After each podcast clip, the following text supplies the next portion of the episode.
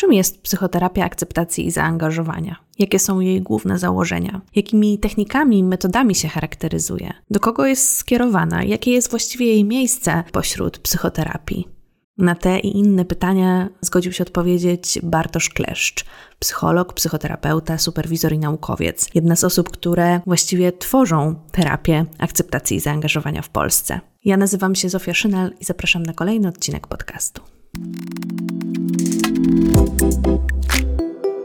Słuchasz podcastu z cyklu ABC Psychoterapii, realizowanego w ramach strefy Psyche Uniwersytetu SWPS. Więcej merytorycznej wiedzy psychologicznej znajdziesz na psycheswps.pl oraz w kanałach naszego projektu na YouTube i Spotify. Zapraszamy. Bartoszu, no to akt to terapia akceptacji i zaangażowania. Co to znaczy? Czym jest psychoterapia ACT i jakie są jej początki w Polsce? To dwa, właściwie dwa, dwa osobne pytania i tak szczerze mówiąc, mam poczucie, że nazwa akceptacji i zaangażowania ujmuje może jedną trzecią albo połowę tego, co tam się właściwie, co tam się właściwie dzieje, ale w którymś momencie um, trzeba wybrać nazwę nurtu i on się potem z czasem rozwija. I jak myślę o tym, e, czym jest ACT, co jest właśnie u takiego, moim zdaniem, niepisanego serca właśnie tej terapii, to jest tak, że mm, istnieją rodzaje interakcji międzyludzkich, które umniejszają naturę ludzką. Jak spojrzymy na człowieka rozwojowo, to mamy niemowlę, które przychodzi na świat, taką kulkę emocji intencjonalnie nastawioną na osoby wokół, małego człowieka, który potrzebuje zatankować ze swojego otoczenia, uczyć się czym jest bliskość, bezpieczeństwo, widzenie. I co się dzieje, jeśli ktoś dojrzewa w zaniedbanych, przemocowych, a właśnie takich umniejszających warunkach? I z perspektywy akt możemy rozłożyć to na takie poszczególne części, poszczególne procesy, które w bardzo złych warunkach, nie każdy ma oczywiście bardzo złe warunki, ale tak, żeby tutaj zarysować, mogą y, skutkować różnymi problemami. Więc młoda osoba potrzebuje zbudować swoje self, takie poczucie ja, mieć odpowiednią ilość empatycznych relacji, żeby w takim biologicznym ciele istnieć psychologicznie. Więc mamy kogoś, kogo y, self nie istnieje albo jest bardzo kruchy, czyli w obecności silnych emocji, różnego rodzaju myśli, których jest coraz więcej, więcej z wiekiem, um, zaczyna być pochłaniane przez to, przyćmiewane pod kontrolą tego. Więc mamy osobę, której self jest które uczy się, żeby na przykład zdobyć miłość, to musi stanąć na głowie, czy to się dzieje się pod pewnym warunkiem, czyli zaczynają się pojawiać pewne koncepcje tej osoby, które transformują rzeczywistość i wówczas emocje, które są po to, żeby je czuć, żeby kierować się nimi, żeby wchodzić z niemądre relacje, także zaczynają świadczyć o być zagrożeniem samym siebie. Z wnętrza naszego organizmu zaczyna pochodzić zagrożenie dla danej osoby, z której można wstawać, z której można iść spać i wówczas tu i teraz, ale także przyszłość i przeszłość stają się najgorszymi miejscami do życia, stają się czymś awersyjnym, przestrzenią, której można uciekać. I wiadomo, że w pożarze trudno myśleć o własnym sensie życia, o własnych wartościach i angażować się w sposób dobrowolny, więc zachowanie takich osób jest bardzo często kontrolowane raczej przez od od czegoś, od siebie, z dala od siebie, rozwiązywanie problemu swojego istnienia i tego, że coś jest z nami nie tak, a nie na rzecz tego, żeby smakować, doświadczać świata, budować swoją indywidualną drogę. Więc w takich warunkach, zakładając właśnie, że ktoś e, przeżył coś takiego, terapeuta ACT stara się niejako tworzyć relację, w której dzieje się antyteza tego, czyli dostarczając, e, budując odpowiedniego rodzaju relację terapeutyczną, dając e, empatię, pewne ramy, pomaga tej osobie istnieć i widzieć siebie jako ktoś więcej niż swoje własne przeżycia i swoja własna historia i koncepcje na swój temat. A w ramach terapii ACT uczy się mądrego podchodzenia do swoich emocji, tworzenia przestrzeni na to, akceptacji, ubrania poprawki na swoje własne myślenie i w miarę tego, jak ktoś sobie z tym lepiej radzi, no to wówczas pojawia się przestrzeń na wolność, na swobodę w obliczu swojego wnętrza, który jest a, i w obliczu świata wokół. I w ramach tego można pomyśleć, co jest dla mnie ważne, co jest dla mnie istotne, jaki jest sens mojego życia, z czym chcę eksperymentować, jakie wartości chcę realizować dzisiaj lub w swoim życiu lub w, dany, w danym momencie i jak to zrobić. I właśnie te, te rzeczy, które tutaj wymieniłem, a niektóre z nazwy, inne tak bardziej zarysowałem, tworzą elastyczność psychologiczną, czyli zdolność do podejmowania wolno wybranych działań w obecności swojego wnętrza, świata na zewnątrz, takiego nawigowania właśnie przez te dwa konteksty prywatny, niewidzialny, osobisty, przez całe życie uczestniczony przez jedną osobę oraz ten świat, w którym dzielimy. Tak więc to jest tutaj e, właśnie kluczowe, aby pomóc osobie z dowolnych warunków, z dowolnych sytuacji, w bardzo, bardzo różnych okolicznościach, pomagać elastycznie, zgodnie z tą definicją, kontaktować się ze swoim wnętrzem i ze światem na zewnątrz w ramach swojego życia. No to taki wstęp, e, wiele punktów zaczepienia w międzyczasie wśród tego, co powiedziałeś i pewnie będziemy gdzieś sobie e, e, za chwilę się w to zagłębiać, ale czy możesz jeszcze, zanim zaczniemy zagłębiać się w szczegóły tej terapii, trochę ją nam umiejscowić jakoś mm, no, wśród innych nurtów terapeutycznych, jakoś w historii rozwoju psychoterapii? Jak to wygląda? To jest terapia, którą gdzie byśmy wśród jakich terapii umieścili? Zależnie od kontekstu można to różnie umiejscawiać, ponieważ y, powiedzmy część z tych dyskusji jest na temat tego, czy jest to terapia poznawczo-behawioralna, czy behawioralna. I historycznie, jak na przykład spojrzymy na starsze publikacje, jest tam dużo nacisku, żeby podkreślać behawioralność tej terapii. W sensie, że w ramach aktu, to jest może informacja bardziej pomocna dla psychoterapeutów niż dla osób, które po prostu interesują się psychoterapią, na przykład nie ma poznawczych modelów zdrowia, zdrowia psychicznego, wręcz akt rozwijał się jako forma sprzeciwu e, wobec bardzo szczegółowy, nastawiony na określone diagnozy, metod pracy. Raczej szukamy tam ogólnych procesów, i jako one mają jako punkt wyjścia, i um, staramy się je skrajać na osobę.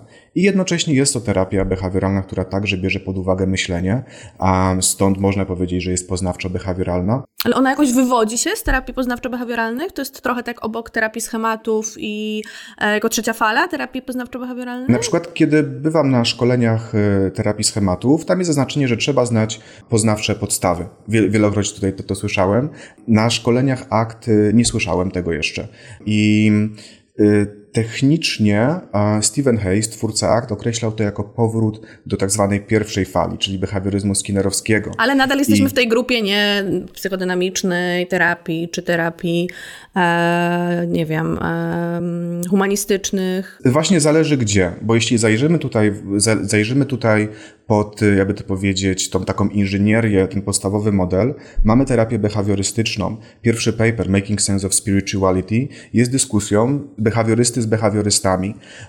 Jest to dość techniczny żargon i bardzo specyficzny.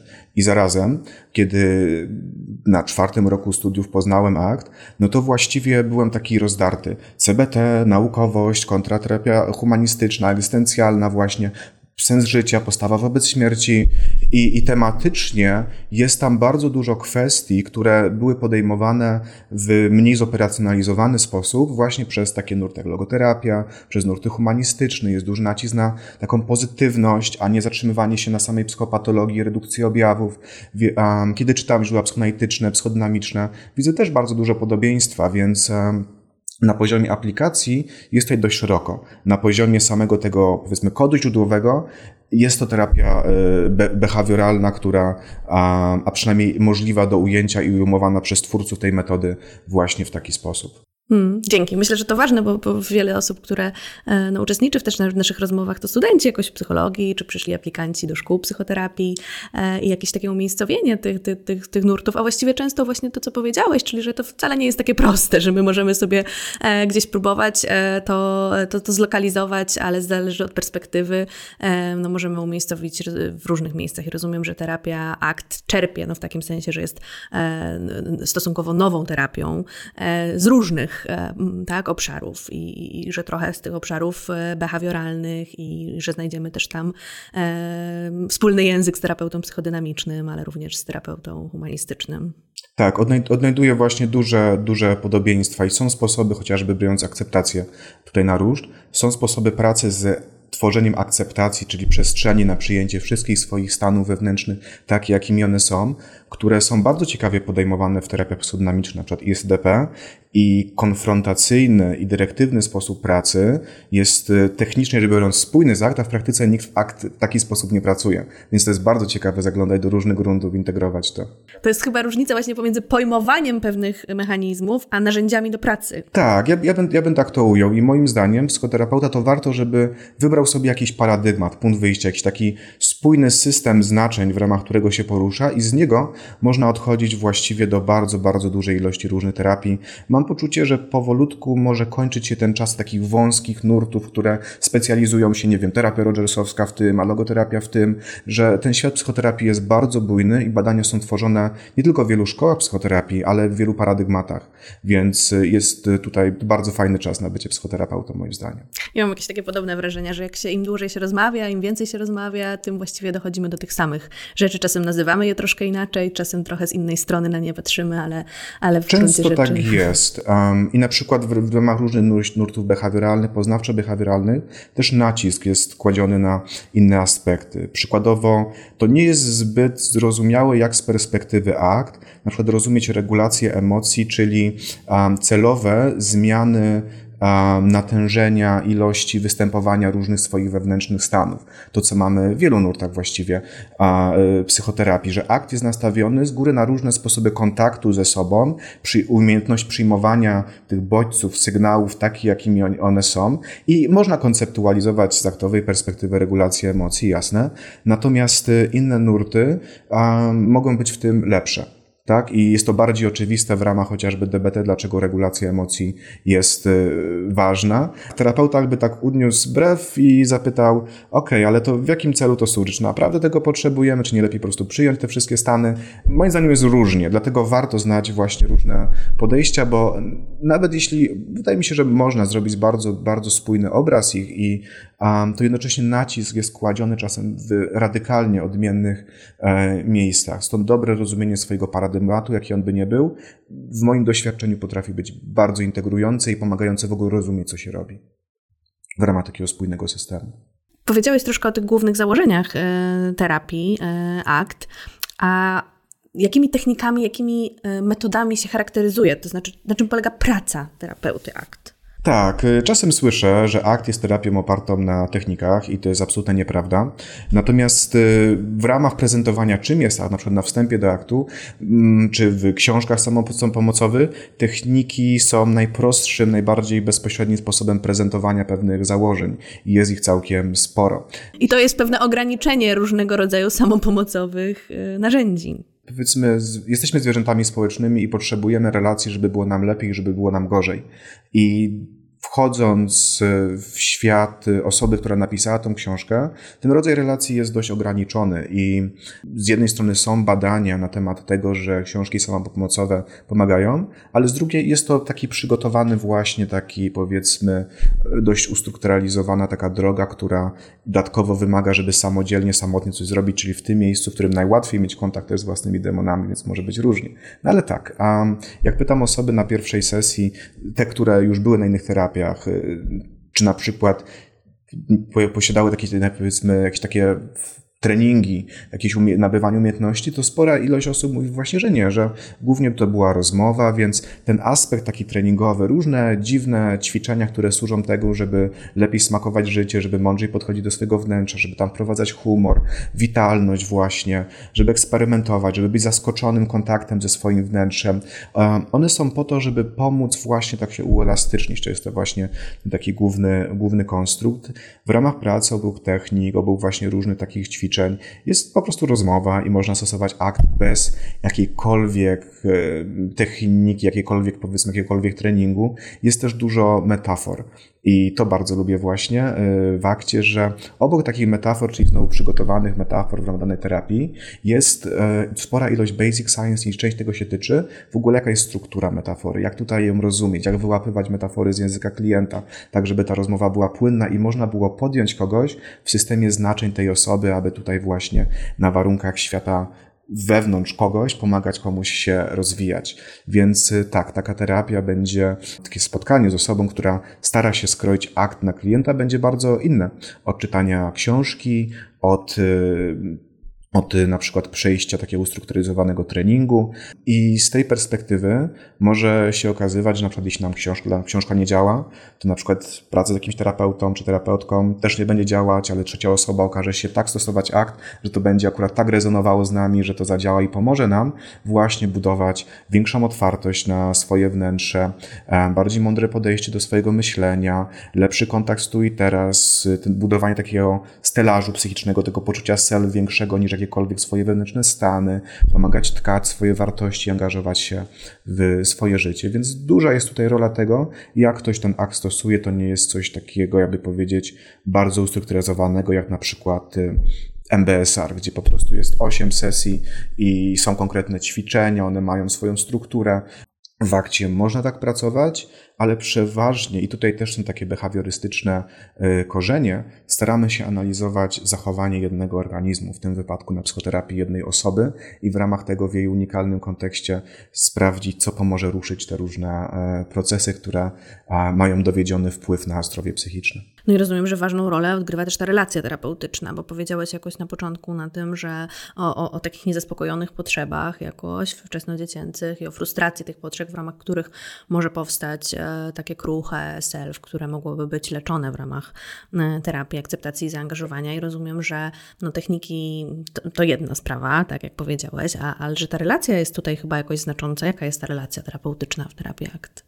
I tutaj znowu są dwa podejścia i zależnie jak bardzo aktowym albo jak bardzo behawiorystycznym chce się być, um, bo w akcie jest to dodefiniowane tak bardziej treściowo. Jesteśmy równi, oboje mamy swoje umysły i spotykamy się i staramy się tworzyć większą otwartość, akceptację, mądrość, rozpoznawać iluzoryczną naturę języka i eksperymentować na sobie.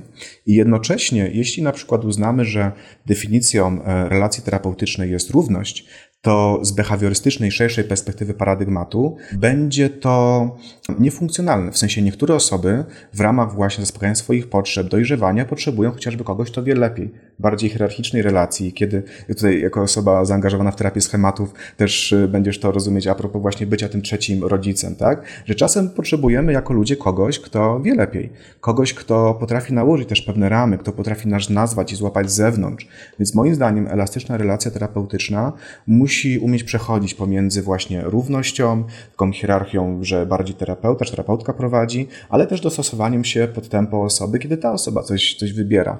Więc y, taka rozpiętość w rodzaju nawiązywania relacji, moim zdaniem, jest bardzo, bardzo ważna. I najwięcej możliwości, powiedzmy, takiego nauczenia się jednak w akcie jest właśnie z perspektywy równości, że jest taka metafora. Płyniemy na tej samej łódce, w sensie oboje jesteśmy ludźmi, którzy mają swoje historie, które mają generatywny umysł.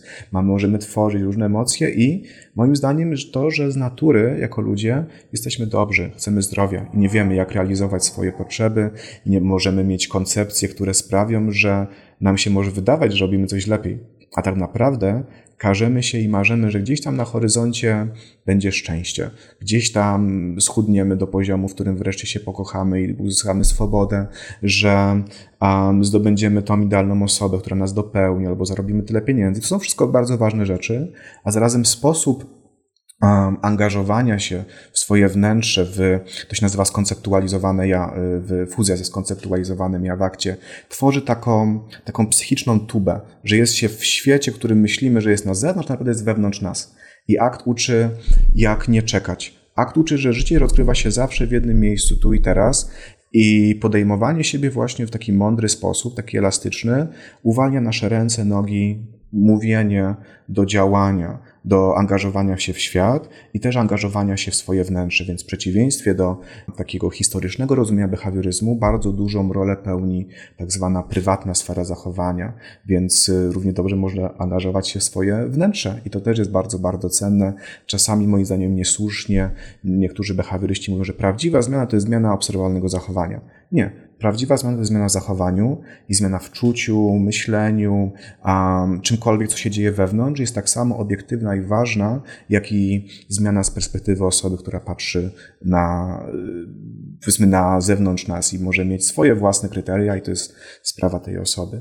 Więc y, pod tym kątem, moim zdaniem, tak mniej więcej wygląda relacja. To jest ktoś, kto ma wspierać w naszym doświadczaniu, w naszym czuciu, łapać też nas w miejscu, gdzie zauważy, że po prostu jesteśmy w takim fuzji, spojeniu z różnymi koncepcjami i pomóc nam wyjść poza to, zmienić paradygmat swojego podejścia, zamiast na przykład pompować samoocenę albo zamiast sprawiać, że już nigdy nie poczujemy tej, dokładnie tej emocji, której nie chcemy czuć. Bardzo często, a chcąc dla siebie lepiej, angażujemy się często w pierwszej kolejności wewnętrzną walkę i dokopywanie sobie. I to sprawia, że tworzy się taki dziwny system. Kiedy wreszcie, za ile lat dokopię sobie na tyle i na tyle się unieważnię, że w moim życiu zacznie być lepiej? Więc punktem wyjścia często jest cierpienie, a osobie takie, jak to jest, że jestem wypalony, mimo tego, że osiągnąłem. Wykopałem siebie na sam szczyt, tak? A ten moment w akcie nazywany jest kreatywnym brakiem nadziei, gdzie mówi się tak, szuka się takiego miejsca braku nadziei, że stare metody radzenia sobie nie przyniosą oczekiwanych skutków i to ma uwolnić nasze ręce, nasze myślenie, żeby kreatywnie szukać innych, często nieintuicyjnych rozwiązań. Co na temat skuteczności terapii ACT mówią badania naukowe? Że generalnie jest. I jest dużo tych badań i to było dla mnie ważne na samym początku, bo e, dużo nurtów terapeutycznych mi się podobało i jednocześnie uważam, że mój wybór pracy z drugim człowiekiem nie powinien być redukowalny wyłącznie do moich preferencji estetycznych. Nawet jeśli czuję to całym sobą głębie różnych podejść, że potrzebowałem zobaczyć, że ktoś to sprawdził. I to, co było dla mnie bardzo ciekawe, że jak czytamy właśnie takie pisma aktowe, gdzieś tam do 2008-2010 jest y, dużo krytyki modelu naukowego związanego z tym, że badania z losowym doborem do próby, ten złoty standard, jest ograniczony do badania pakietów terapeutycznych i zmniejszenia się ilości objawów. Niepożądanych objawów. Tak, mhm. niepożądanych objawów. Jest to model medyczny w psychoterapii i rozpada się on na naszych y, oczach. I, I w ramach właśnie tego, co ciekawego akt wprowadził naukowości, wprowadził albo tak powiedzmy ustabilizował, po pierwsze analizę mediacyjną, czyli nie tylko interesuje nas redukcja objawów, super jeśli jest, bo czemu nie? Czemu nie ma być komuś e, hedonistycznie lepiej, to też jest bardzo, bardzo ważne. To jest bardzo ważny element, jest analiza mediacyjna, czyli kwestia tego, że jeśli mamy stan za stany w momencie jeden i w stanie, w momencie dwa, na przykład trzy miesiące później, czy rok później, czy dwa lata później jest lepiej, to co się zmieniło w międzyczasie, tak? I okazuje się, że istnieje ograniczona ilość procesów terapeutycznych, które właśnie odpowiadają za to, że jeśli one się poprawiają, to jakiś czas później jest lepiej. I właśnie elastyczność psychologiczna i jej elementy pełnią taką rolę. Jest dużo basic science, analizy postaw filozoficznych, analizy języka i poznania, więc w świecie, w którym nurty terapeutyczne potrafią mieć podobną skuteczność do siebie, jest też bardzo dużo głębi naukowej, która mi tutaj się mega podoba i odnajduje się w tym. A tak bardziej bezpośrednio, powiedzmy, gdybym przedstawiał akt y, lekarzowi, tak? To jest, jest, y, wczoraj to sprawdziłem. Aktualnie mamy 1041 badań z losowym doborem do próby.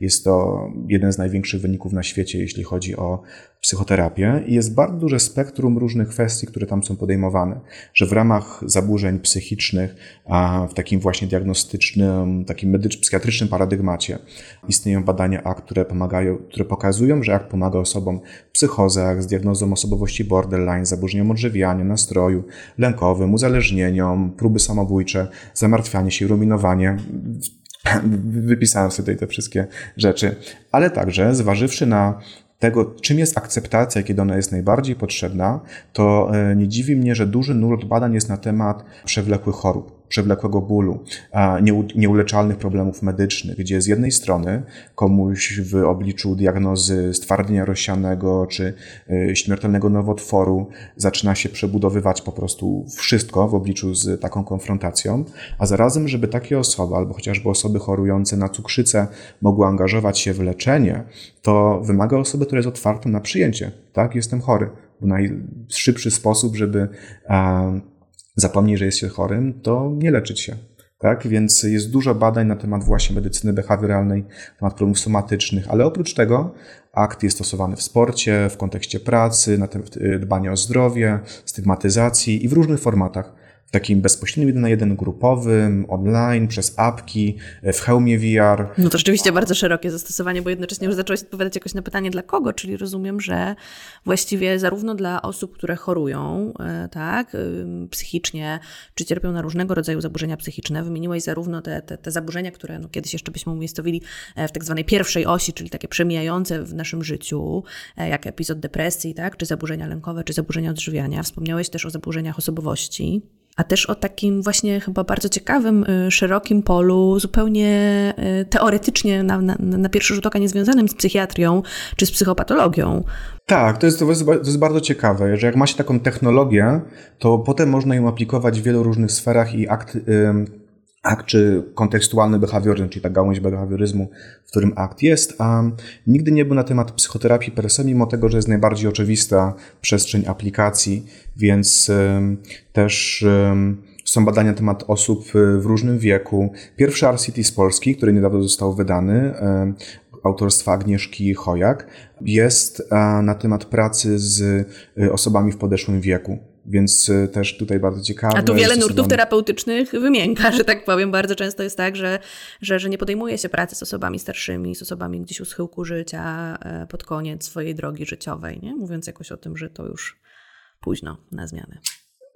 Wydaje mi się właśnie, że w takim kapitalistycznym sposobie myślenia, też rodzaj myślenia, że to musi być jakaś taka powiedzmy inwestycja w osobę, też może wpływać na to, gdzie jest więcej grantów, więcej ciekawości i brzmi to bardzo smutno. Myśleć o tym, że osoba, która jest powyżej 60, nie, nie zasługuje na zmiany, na akceptację, na wartości, na sens życia, jeśli tylko nie wydarzy się nic tragicznego, no to wszyscy kiedyś będziemy starzy i to jest ważne, żeby tworzyć społeczeństwo, gdzie ludzie w różnych segmentach wiekowym a, mają przestrzeń na szczęście.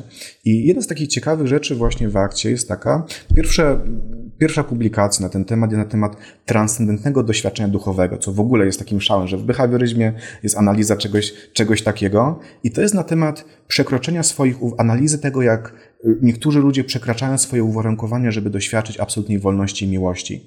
I doświadczenie duchowe można mieć w każdym wieku i dobrą psychoterapię także. A zarazem to jest prawda, że organizm, który ma 60 lat historii uczenia się, będzie przyzwyczajony do większej ilości rzeczy niż organizm, który ma lat 12. Natomiast nie wynika z tego, że zmiana nie jest możliwa, ani nawet, że musi być dusza. Osoba starsza może być mądrzejsza i wiedzieć też, czym się nie warto już przejmować. Więc. Może mieć zupełnie inną tak, motywację, totalnie. E, zupełnie inne patrzenie na świat. Poza tym, nawet patrząc z, takiego, z takiej perspektywy, w co warto inwestować, to myślę sobie, że bardzo się zmienia jednak struktura też naszego społeczeństwa i dzisiejsi 60-latkowie e, no, żyją zupełnie innym życiem niż 60-latkowie jeszcze 30 czy 60 lat temu i pewnie będzie się to przesuwało w tą stronę. E, mamy coraz jakby dłuższe życie, coraz częściej jesteśmy sprawni, dobrze funkcjonujemy. No a to oznacza, że, że, że gdzieś to dbanie o nasze zdrowie psychiczne nie może się kończyć na wczesnej czy, czy, czy, czy średniej dorosłości. To jest, to jest trochę takie pytanie, kiedy wreszcie skończę musieć mieć zęby, tak?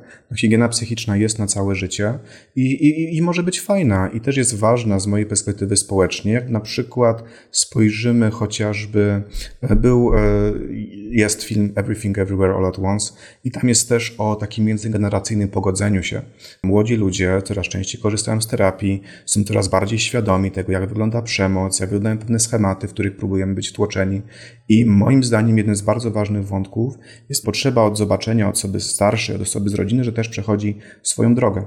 Nie musi być doskonała, ale jakiś rodzaj porozumienia się na temat tego, co jest ok, co nie jest ok, co nie działało, jest, jest bardzo istotny. Stąd psychoterapia dla osób starszych też jest po to, żeby być bliżej z osobami, które mogą być słusznie w jakimś zakresie wściekłe na to, co się wydarzyło w życiu, że jest rozpaczone, a zarazem także czekać zauważam to u dużej ilości osób, że ten sygnał, który jest ważny, to jest wciąż cały czas widzę cię, rozumiem, że było źle, a być może nie mogło być inaczej, albo chciałem jak najlepiej, ale ta, przejście tej drogi, a nie każdy to potrafi, nie każdy chce. I sporo osób w starszym wieku ze wstydu albo po prostu z bycia w, powiedzmy wychowanym przez inne czasy może nie czuć nawet potrzeby, żeby zmienić swoje podejście, a zarazem bardzo często pojawia się w konsekwencji samotność, oddalenie od swoich, oddalenie od swoich bliskich. Więc wyobrażam sobie, że psychoterapia osoby, która w wieku 60 lat, 70 odkrywa, że coś było nie tak, a będzie się mogła wiązać z dużą ilością żałoby, ale także z dużą ilością sposobów na to, jak nawiązywać więź, bliskość z osobami jedno, dwa, trzy pokolenie, że jest to piękne, ważne i nie wiem, na którym etapie ma wynikać, że zmiana jest niemożliwa. No właśnie, tak? to, to byłoby okropne, gdyby mogło się to kiedykolwiek przeterminować, nie? Że nawet właśnie. jeśli... Hmm. Czy jest tak, że ta terapia jest, yy, zupełnie nie nadaje się do, dla kogoś? Czy mamy jakieś ograniczenia, nie wiem, na przykład wiekowe, czy dzieci mogą korzystać z terapii akceptacji i zaangażowania? Tak, ale musi być dostosowany model. Jest taki model DNAV i on, napierze, i on bierze pod uwagę dziecko w wieku rozwojowym, bo dziecko potrzebuje eksperymentować, testować, sprawdzać, bezpiecznie doświadczać, buduje swoje self i pytanie takiego dziecka, jakie masz wartości, może być kontrproduktywne, ponieważ ta osoba dopiero je tworzy i to jest jakiś taki wymóg, prawda? Więc y, ta specyfika pracy jest y, inna, nie zawsze ten model był i na przykład było RCT aktowe, w którym wyszło brak skuteczności z dziećmi, to było zanim się pojawił ten model DNAV. Wydaje mi się też, że niektóre rodzaje trudności wymagają dobrego podłoża teoretycznego, które występują w innych nurtach niż akt. Przykładowo, jak sobie poczytałem w psychoanalizie o narcyzmie, to wówczas mogłem zastosować to, to w ramach umiejętności aktowych a, i, i też terapii, terapii schematów. I jednocześnie wcześniej trudno mi było zobaczyć te mechanizmy tak bardziej szczegółowe. Że w terapii schematu to jest fajne. Są różne właśnie schematy, są opisane jakieś główne emocje z tym związane, pewne takie tendencje, więc um, w akcie nie ma tego per se, więc jeśli jeśli terapeutą tego nurtu czy, czy terapeutką, warto wciąż interesować się innymi podejściami, ponieważ czasem niektóre kwestie są tam rozkminione wiele bardziej szczegółowo i treściowo i ze na swoją specyfikę i charakter relacji terapeutycznej z osobą, powiedzmy, będącą w takim stanie traumatycznego narcyzmu, mhm. a z samego aktu można, powiedzmy, opacznie wzmacniać różne problematyczne y, zachowania, zamiast skonfrontować i tworzyć pewne ramy, których ta osoba potrzebuje albo z innych nurtów, czytając chociażby o y, neurodywergencji, też dużo się dowiaduje i z tej perspektywy jest o wiele bardziej jasne, co akceptować na co trzeba się otworzyć, jakich, wobec jakich preferencji tutaj a, na przykład y, większej preferencji do takiej, a, do powtarzalności, tak? Co tutaj jest potrzebą, co jest realnym, powiedzmy, mm -hmm, wyrazem mm -hmm. układu nerwowego danej osoby, a co jest y, czymś, w ramach czego budujemy elastyczność. Więc y, to jest bardzo ważne, aby terapeuci akt nie zostawali w samym akcie, sam nie zostaje jednocześnie traktując to jako taki framework swojej pracy. Inne pytanie dla klientów jest takie właśnie, że komu nie jest potrzebna umiejętność przyjęcia wszystkich swoich stanów, brania poprawki na swoje myśli, być jakimś więcej niż swoje przeżycia, znajomość sensu życia i, i umiejętność zaangażowania się w to. Więc na dobrą sprawę warto się na jakiś czas wrócić do takiej pralki, zostać z tym, zobaczyć, co z tego wyjdzie z odpowiednią osobą. Jest to na przykład badania, że wyższa, takie na temat profilaktyki, że wyższa elastyczność a u osób z jednym diagnozowalnym zaburzeniem dwa lata później przekłada się na mniejszą ilość zaburzeń. Na przykład ta osoba nie ma powiedzmy trzech psychiatrycznych zaburzeń za dwa lata, albo na przykład ma ich w ogóle mniej. Więc im wyższa nasza elastyczność w ramach tych sześciu procesów akt, tym z czasem umiemy też um, lepiej sobie radzić na bieżąco i a nasze trudności nie zmieniają się w przewlekły problem. Więc no właśnie, bo tak jak o tym mówisz, to ja mam takie wrażenie, że te umiejętności, te sześć umiejętności, które w ramach których wzmacniamy elastyczność w terapii akceptacji i zaangażowania, to właściwie chyba z tego wynika też to szerokie zastosowanie. To dobrze, żebyśmy wszyscy je mieli. tak w ogóle. Nie? Że to jest jakiś taki e, te, te, te, taka, taka dobra wyprawka e, w życie i, i niektórzy w ramach swojego procesu rozwoju, tworzenia się osobowości, doświadczeń wczesnodziecięcych w naturalny sposób je nabywają, tak? E, a inni ze względu na różnego rodzaju doświadczenia e, i, i deficyty mogą mieć braki w tych obszarach i wzmacnianie tych obszarów będzie chyba zawsze w stronę zdrowia. Jest kontrowersja na ten temat. Okay. Przykładowo, e, ogólnie tak, ale jest parę gwiazdek do tego. Um, na przykład załóżmy, że pytamy osobę, która wskutek traum, które przeżyła, z trudem przyjmuje E, na przykład swoją perspektywę, ponieważ przez całe życie musiał obserwować innych, bo stamtąd szła miłość i stamtąd szło zagrożenie. Trzeba być czujnym. Nie było przestrzeni na bycie widzianym, albo była jasna chronologia. Najpierw ktoś, potem ja. I zapytać taką osobę, czym jest dla ciebie miłość, w taki niewidzialny sposób może się przekształcić w więcej starego, czyli w więcej um, więcej myślenia o tym, jak zaspokajać potrzeby innych osób, żeby wreszcie być zaspokojonym. Albo odwrotnie. Osoba, która ze swej natury albo z, z powodu różnorodnych traum może mieć przede wszystkim kontakt ze swoją własną perspektywą, znowu może dawać odpowiedzi, które pomijają inne osoby, bo psychologiczne one nie są na mapie tego kogoś, kiedy ta osoba, zwłaszcza kiedy ta osoba cierpi. Więc tak, per se te procesy są ważne, a jednocześnie na przykład to, że rozmawiamy z kimś o wartościach, ktoś stosuje język wartości, nie znaczy, że funkcjonalnie są to wolno wybrane dla mnie i dla ciebie swobodne jakości, które służą temu, żeby czerpać świata pozytywne wzmocnienia um, i nikomu nie, nie bruździć. Więc ta część jest tutaj ważna, że tak to jest model, a jednocześnie w praktyce interakcja z nim może być e, trudna oraz um, taka dezorientująca. Załóżmy, że ktoś słyszy, że dowiaduje się akceptacji. To co, teraz już na zawsze mam czuć rozpacz, tak? Rzadko kiedy wskutek skutecznej psychoterapii czuje się rozpacz przez cały czas już zawsze, ale osoba może usłyszeć więcej bezradności, więcej trudności i poddanie się. I to wcale nie jest żywotna akceptacja, to jest właśnie usłyszenie od osoby, która miała nam pomóc, że już nie ma nadziei, po prostu trzeba to akceptować, przyjąć, poddać się.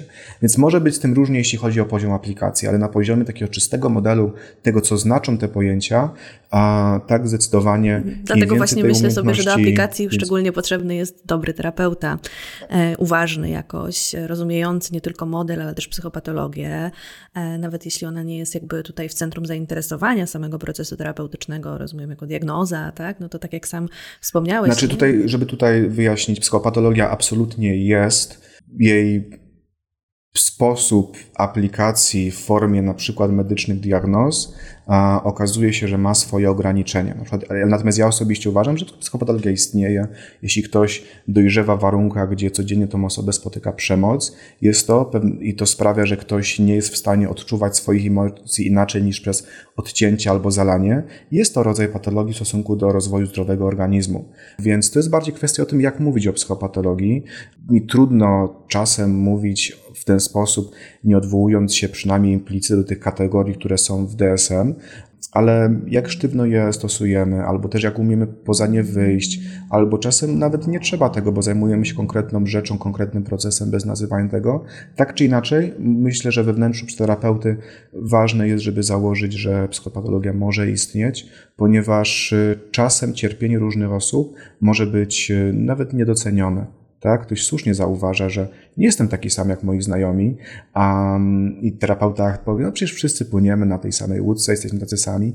Nie, mamy różne historie, różne wrażliwości, różne układy nerwowe i trzeba być dobrym, precyzyjnym, mieć swój timing w tym, jakie sygnały uh, wysyłać, bo czasem właściwie odpowiedzią jest tak, twoje doświadczenie jest kompletnie inne niż twoich bliskich i przy osobowościach, gdzie trauma potrafi rozlewać kogoś i sprawiać, że ktoś nie jest zupełnie osobny, tylko z takim diagramem Wena z innymi, słuszne uprawomocnienie obserwacji, że czuję się, jakbym był kompletnie inny niż moi bliscy, będzie budujące, będzie zdrowe. Więc e, to jest tutaj. Dlatego z mojej perspektywy ważniejszy jest mieć paradygmat e, niż szkołę bo paradygmat uczy rozumieć to i podchodzić w miarę elastycznie do e, kwestii, które różne szkoły podejmują na różne sposoby. No właśnie, myślę bardzo, że musimy przejść do tej szkoły, bo, bo, bo to jest jakoś to bardzo nurtujące dla, dla uczestników naszego spotkania. Ja jakoś rozumiem, jesteś na pewno odpowiednią osobą do tego, żeby e, dowiedzieć się jakoś od ciebie, jak uczyć się akt, e, ale no, zacznę może od pytania, które pojawiło się na czacie. Czy CBT jest podstawą do rozpoczęcia akt, czy też można zacząć szkołę terapii akceptacji i zaangażowania bez, bez tej czteroletniej szkoły terapii poznawczo-behawioralnej? To jest, to jest, to jest taka jedna z dziwnych rzeczy, które słyszę ze środowiska CBT, że trzeba znać CBT, żeby znać akt.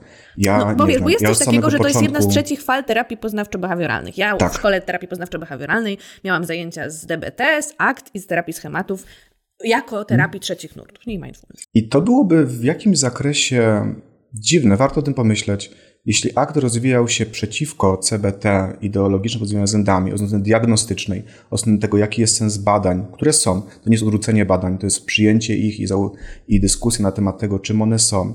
Jeśli chodzi o model, jeśli chodzi o to, jaki jest oczekiwany wynik pracy z myślami, to, e, to byłoby dziwne, że trzeba znać szeroki nurt, który akt odrzuca, żeby robić akt. A ja CBT się nie uczyłem. Mój pierwszy warsztat y, CBT z terapii ekspozycyjnej był, nie wiem, w ciągu, nie wiem, siódmego czy ósmego roku mojej pracy jako psychoterapeuta. Później też miałem na przykład z y, terapii przetwarzania poznawczego, którą uwielbiam, jest bardzo fajną metodą pracy. I w akcie, podręczniku do aktu nie ma odniesienia, musisz znać podstawy CBT, nie ma tam poznawczych modeli różnych zaburzeń. Na konferencjach aktowych, na których się, e, kurczę, przed COVID-em było tego więcej, teraz już, już, teraz już nie, ale też nie ma w ogóle jakiegoś e, informacji żadnej. Dowiedziałem się tylko w Polsce od osób, które właściwie e, aktu z nami nie budowały, że trzeba znać CBT. Moim zdaniem jest to nieprawda. Jest także naukowo to nieprawda. Akt jest badany jako odrębny model i z mojej perspektywy perspektywy i z perspektywy wielu osób zaangażowanych w akt w ramach ACBS Polska, jest y, modelem terapii, który jest samodzielny. I podstawami, podstawami aktu jest y, kontekstualny behawioryzm i filozofia zwana y, funkcjonalnym kontekstualizmem, a nie poznawcze modele zaburzeń. Nie znaczy to, że inne podejście, podejścia są złe. Z badań wynika, że skuteczność ta, ta otrzymywana jest y, czasem wyższa, czasem niższa, ale generalnie, generalnie porównywalna. Natomiast jest to absolutna nieprawda, że trzeba znać podstawy poznawcze, czy trzeba przejść przez CEBET. Natomiast jeśli ktoś przejdzie, to mogą zajść, może zajść jeden z dwóch efektów. Albo polubi CBT i będzie stosować akt w cebetowym stylu, jak na przykład książki aktowe są też pisane w pewnym zakresie przez osoby z CBT, czuje ten inny klimat, inny rodzaj sformu sformułowań, które te osoby korzystają, ale są takie. Albo też i to niektórzy moi znajomi po prostu mówią, że po skończeniu czteroletniej szkoły CBT musieli się oduczać CBT, żeby robić więcej miejsca na akt. Są też sposoby integracji, są też sposoby, żeby robić to solo. Ja bardziej w moim odczuciu integruję akt z psychodynamicznym podejściem, a natomiast tam, gdzie na przykład jest element wspólny z terapią ekspozycyjną, no to terapia ekspozycyjna też była przed CBT, nie jest własnością CBT, a więc e, powiedzmy są tutaj też oczywiście e, wspólne, wspólne elementy. To bardzo ciekawe, co powiedziałeś. Dziękuję za to wyjaśnienie, bo wiesz, e, takie, no rzeczywiście coś takiego chyba panuje, jakoś takie też było moje, e, jakieś takie ułożenie sobie tego w głowie e, przed naszą rozmową i, i widać nie tylko moje. W takim razie, mm, jaka jest ścieżka, mm, jeśli ktoś, kto studiuje w tej chwili psychologię, a może właśnie nie musi wcale studiować psychologii, jak może zostać terapeutą akt? Warto sobie, może tak, tak zacznę, warto sobie popróbować jakieś małe rzeczy poczytać książki, zapisać na jakieś szkolenie, pojechać na jakąś konferencję, chociażby te właśnie organizowane przez ACBS Polska, czy oddziały ACBS e, w Europie, czy na świecie, żeby zobaczyć, kto się lubi, czy to się czuje. Sporo osób w akcie naprawdę to czuje, a, aż do tego stopnia, że trzeba trochę później dbać o to, żeby było jednak oddzielenie pracy terapeutycznej od y, swojego życia, ale bardzo często aktem się oddycha, bo daje dużo wolności, daje właśnie bardzo ważne pytania, które przysiąkują całe życie terapeuty, więc y, jest to bardzo piękne podejście pod tym względem. I um, a propos części mojej działalności, um, zapraszam na portal Uczę się Akta. Można dużo poczytać, można wykupić parę szkoleń, zobaczyć, czym to się je, czy to się czuje, czy to dobrze smakuje. I także z, z Marcinem Domuratem otworzyłem szkołę psychoterapii behawioralnej. To jest adres behawioralnie.pl. E, zaczęliśmy teraz w Warszawie, otwieramy nabór w Katowicach od stycznia i tam punktem wyjścia jest behawioryzm, akt i inne nurty tak zwanej trzeciej fali, jako taki, jako taki system, który jest e, podstawą rozumienia człowieka, tak? I uczymy z tej perspektywy. Jest na ten moment jedyne czteroletnie szkolenie oparte na kontekstualnym behawioryzmie i akcie w Polsce. ACBS Polska jest zaangażowany właśnie też w dbanie tutaj o podstawy prawne, w naszym szalonym kontekście e, ustawy o zawodzie psychoterapeuty, więc to też jesteśmy tutaj zaangażowani. I moja taka osobista ta satysfakcja jest związana z tym, że, mm, że pokazuje, i też Marcin pokazuje, i nasi studenci, i osoby zatrudnione tam właśnie do wykładania, że da się pracować w ten sposób jako punkt wyjścia. I źle by było, gdyby terapia poznawcza zniknęła, bo jest to piękny, szeroki nurt, ale gdyby zniknęła, akt by się nie zmienił. I to jest bardzo ważna rzecz. I jedną z takich fajnych naukowych rzeczy jest to, że akt przez lata, zanim teraz stało się to mainstreamem terapii opartej na procesach, był właśnie tam. I Stephen Hayes e, w pojedynkach w Behavior Therapy ze Stefanem Hoffmanem dyskutował o wadze na przykład analizy mediacyjnej, skupienia na procesach, kiedy w świecie CBT to nie było jasne.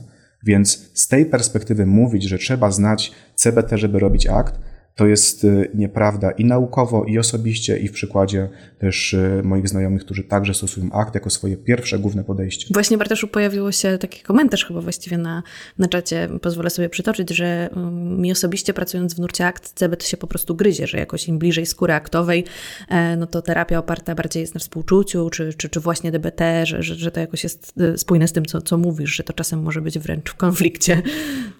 Trzeba mieć odpowiednie, tak jak, tak jak w Apple ma się przejściówki, trzeba też mieć te odpowiednie przejściówki, jeśli robi się akt i integruje się rzeczy z CBT. Bo jedną z dyskusji jest tego na przykład, jaki jest wyjściowy efekt pracy z myślami. I e, David Barlow e, e w ramach e, definiowania tego, jak powiedzmy ja nazywam 2,5 fali, w, w, ramach właśnie e, swojego podejścia, mówi o tym, że efektem tego cognitive reappraisal, czyli jak to jest po polsku, no, tej takiej pracy poznawczej jest to, że... Rekonstrukcji poznawczej, tak? Tak, że osoba jest w stanie patrzeć na swoje myślenie z wielu różnych perspektyw jednocześnie, bez koniecznego przywiązywania się do niej. I z tej perspektywy można pracować i poznawczo, i aktowo. I ja czasem korzystam z metod poznawczych swojej pracy, bo potrafią działać, kiedy na przykład akt mi nie działa. I u niektórych osób to działa świetnie, że na przykład jesteśmy na sesji, patrzymy z siedmiu różnych perspektyw na tą sytuację i patrzę, jak to się po prostu odkleja od swojej fuzji.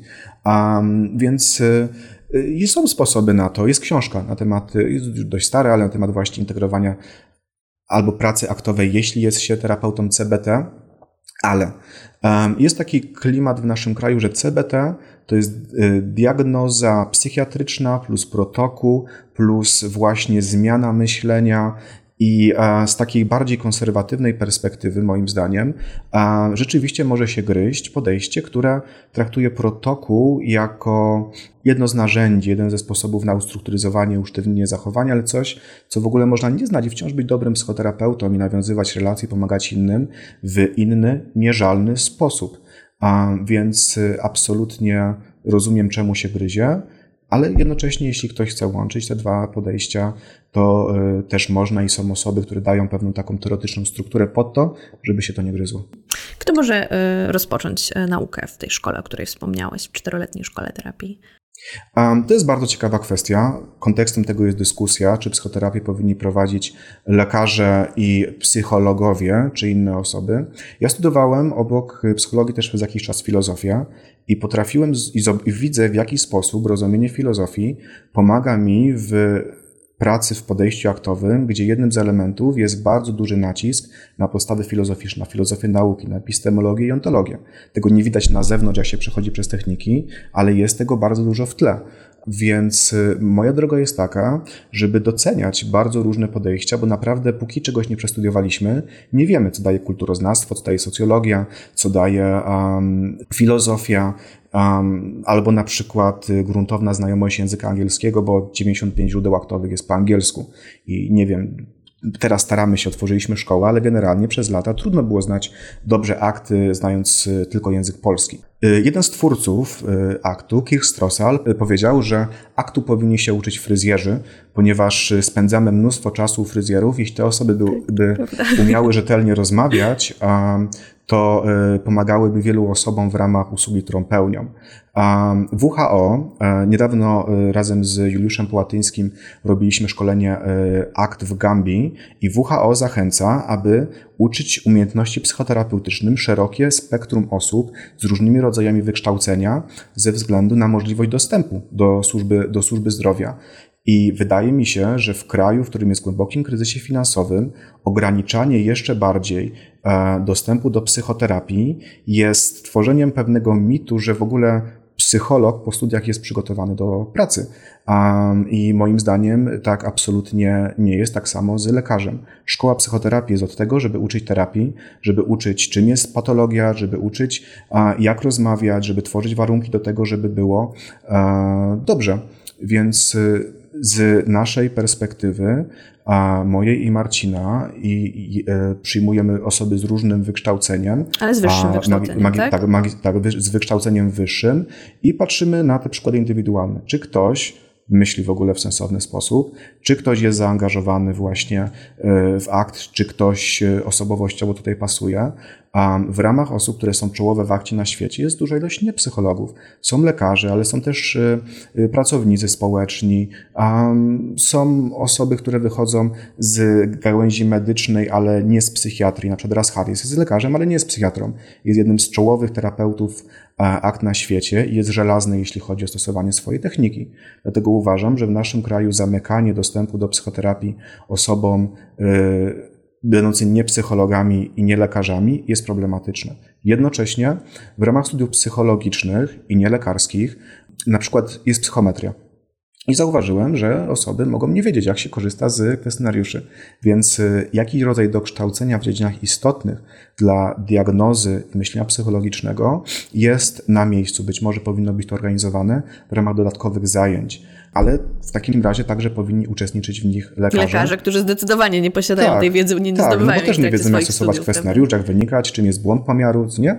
Więc y, jest tutaj jakiś rodzaj idealizowania, wykształcenia na, na, na studiach i, I mi się wiele częściej fajnie gadało o akcie z filozofami, którzy czują właśnie, czym jest teoria prawdy, co to znaczy, że w akcie ich behawioryzmie jest pragmatyczna teoria prawdy, czym się ona różni od tej um,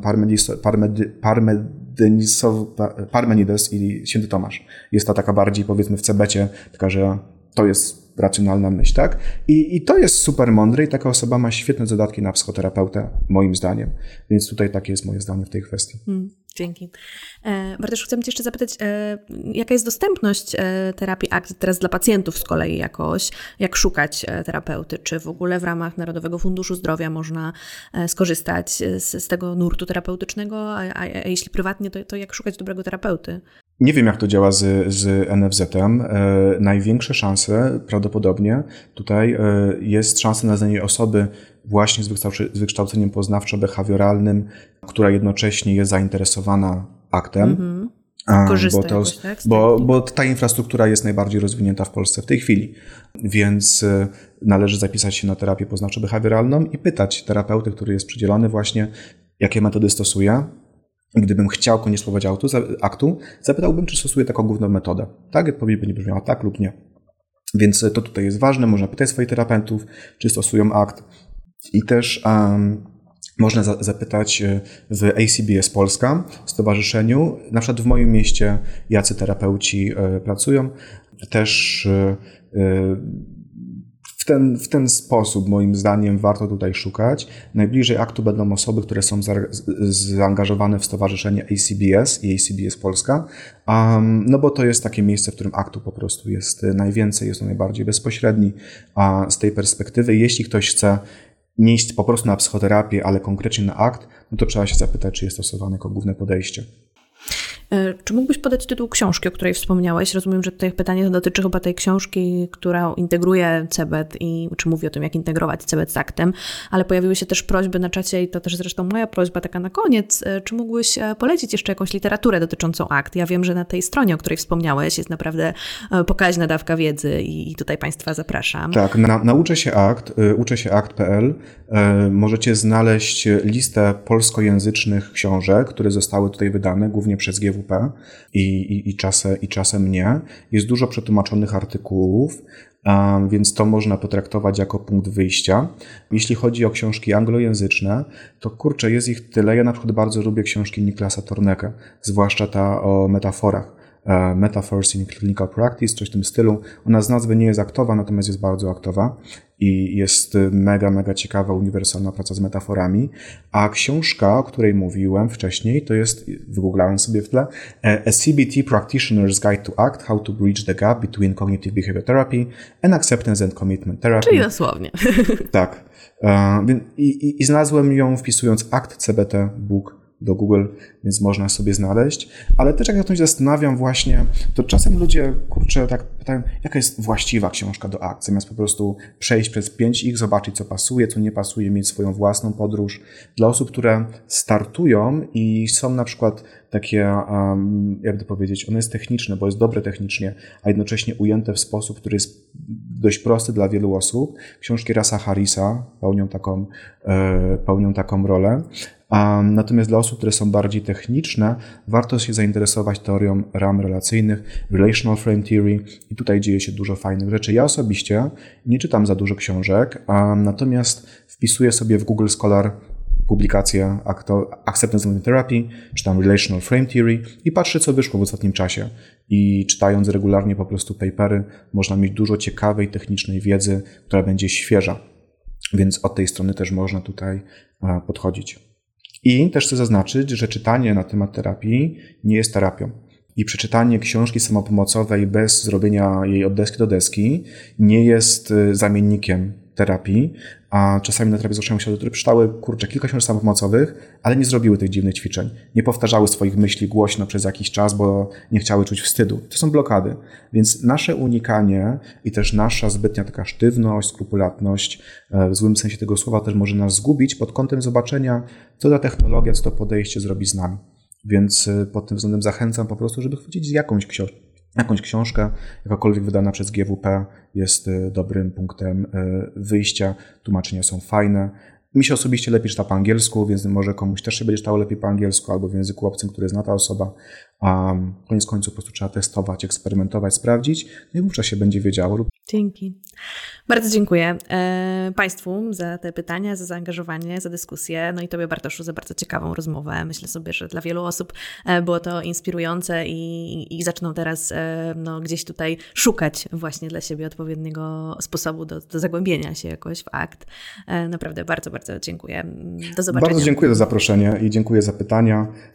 Super było, fajnie, fajne rozpoczęcie poniedziałku. Dziękuję. Dziękuję Państwu bardzo. Do zobaczenia na kolejnych webinarach Uniwersytetu SWPS.